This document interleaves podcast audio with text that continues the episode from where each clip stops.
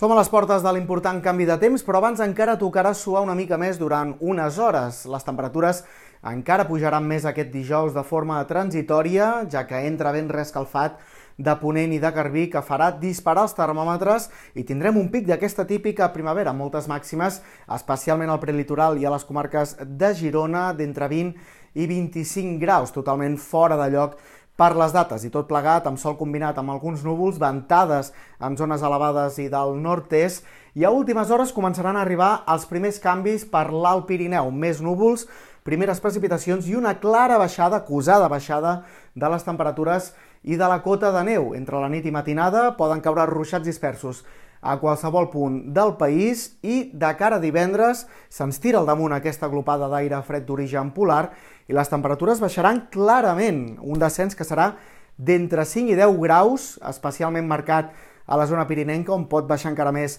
el termòmetre, en canvi pot quedar una mica més frenat